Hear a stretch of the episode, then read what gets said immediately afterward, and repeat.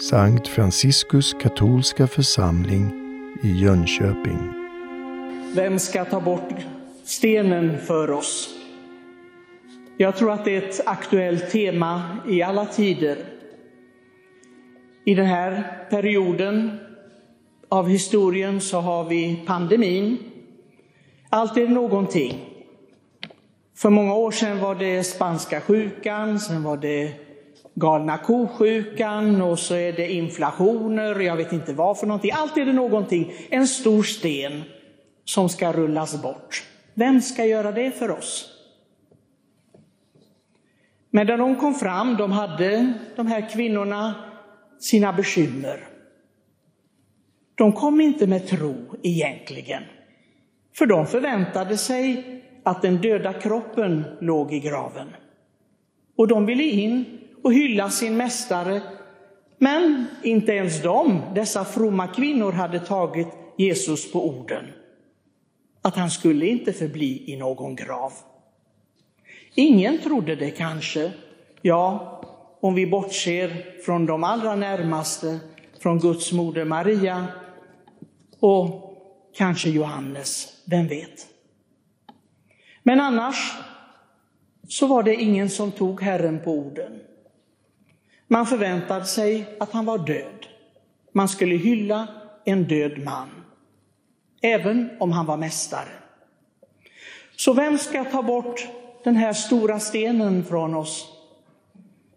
Vem ska ta bort pandemin för oss? Vem ska ta bort alla de bekymmer vi har och den oro vi har?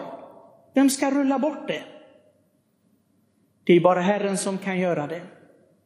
Och vi vet i alla tider kommer det att finnas den där stora stenen.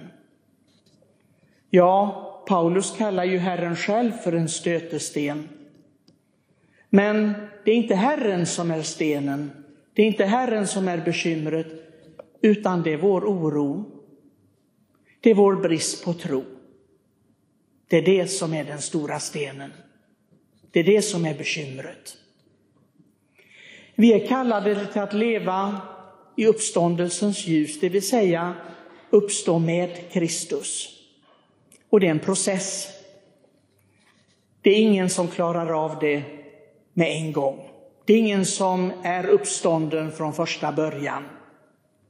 Vi vet att vi måste dö i dopets sakrament, bort från den gamla människan som vi ärver. Och sedan så börjar denna processen. För vissa människor så går det väldigt snabbt.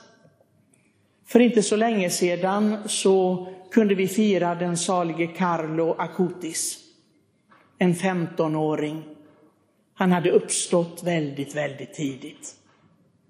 Men det finns människor som behöver en lång tidsperiod för att uppstå. Uppstå från all den ynklighet som livet är och som vi samlar på oss. Saker och ting som vi tycker är så viktiga, så livsviktiga att vi så att säga klämmer oss fast vid det. Vi kan inte så att säga leva ett annat liv och till slut så blir livet som vi skapar en avgudabild. Det som vi hörde i en av läsningarna. Men Herren har lovat att befria oss även från avgudarna, från dessa bilder som är falska, falska bilder av livet. Men vi vet att den här uppståndelsen, det är en process som går genom lidande och död. Man kan inte uppstå om man inte har dött. Min novismästare han skämtade ibland, jag vet inte om det var skämt, för jag tror att det var på blodigt allvar, när han talade om ordensmän som var skendöda. Han sa, när ni går in i ordenslivet så ska ni dö bort från er själva. Men många av er kommer bara att bli som gubben i lådan. Den gamla människan som poppar upp när man tar bort locket. När några problem kommer i livet så kommer den gamla människan upp som om Gud inte fanns. Det är skendöda bröder. Det är en svår process. Mycket svår. Och vi vet att problematiken är inte bara att så att säga motståndet finns där ute. Det har blivit tydligt på senare tid att även inom kyrkan, och det ska inte förvåna oss. Biskopen har ju talat om detta flera gånger nu. Bed om enhet i kyrkan. Bed om enhet, det har han sagt flera gånger. Och det behövs verkligen, för vi vet att det är inom den närmaste kretsen från Jesus som det största motståndet var.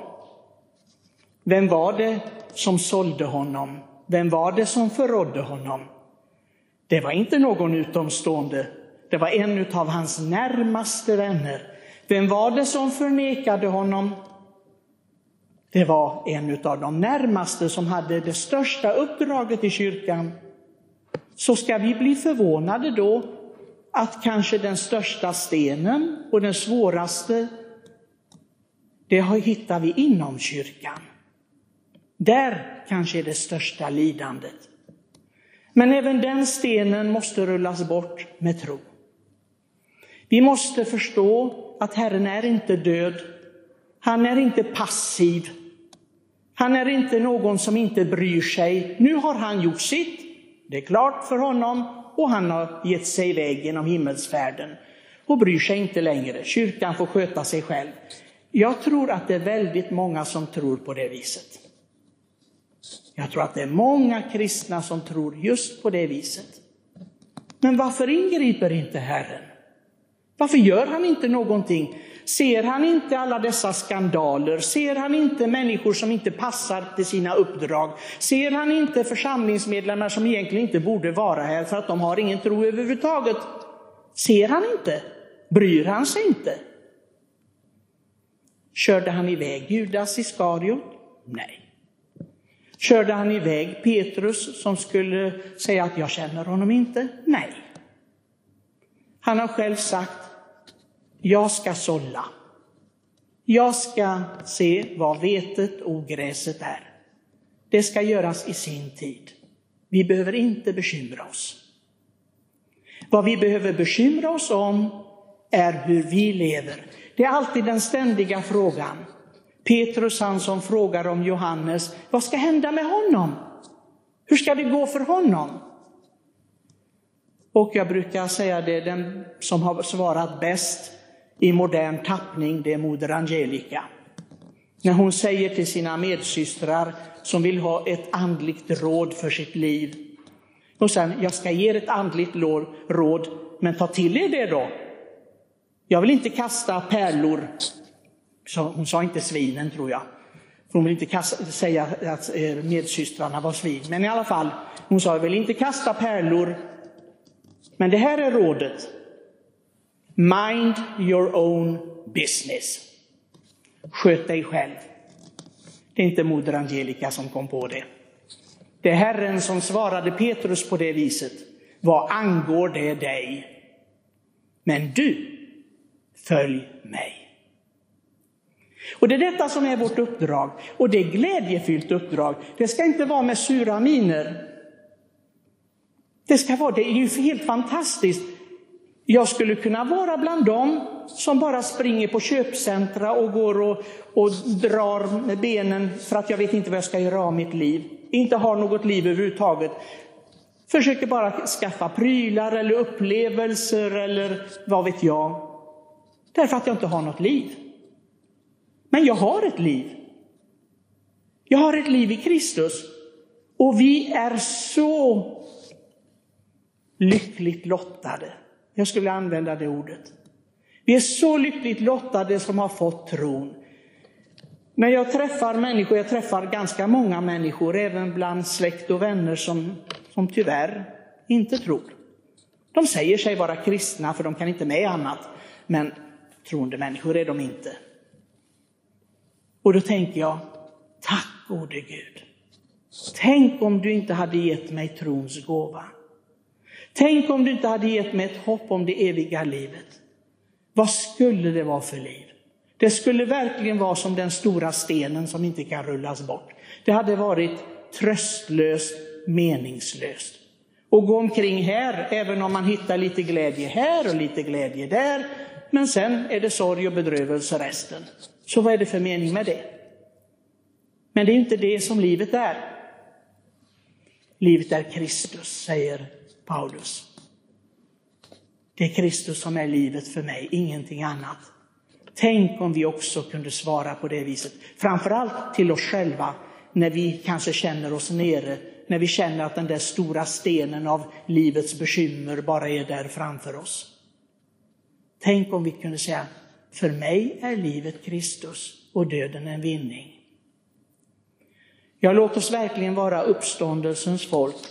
Den helige Johannes Paulus II sa ju det. Vi är uppståndelsens folk. Låt oss då vara det. Låt oss glädja oss över Kristi seger, som så blir vår seger. Kristus är uppstånden från de döda. Ja, han är sannerligen uppstånden. Amen.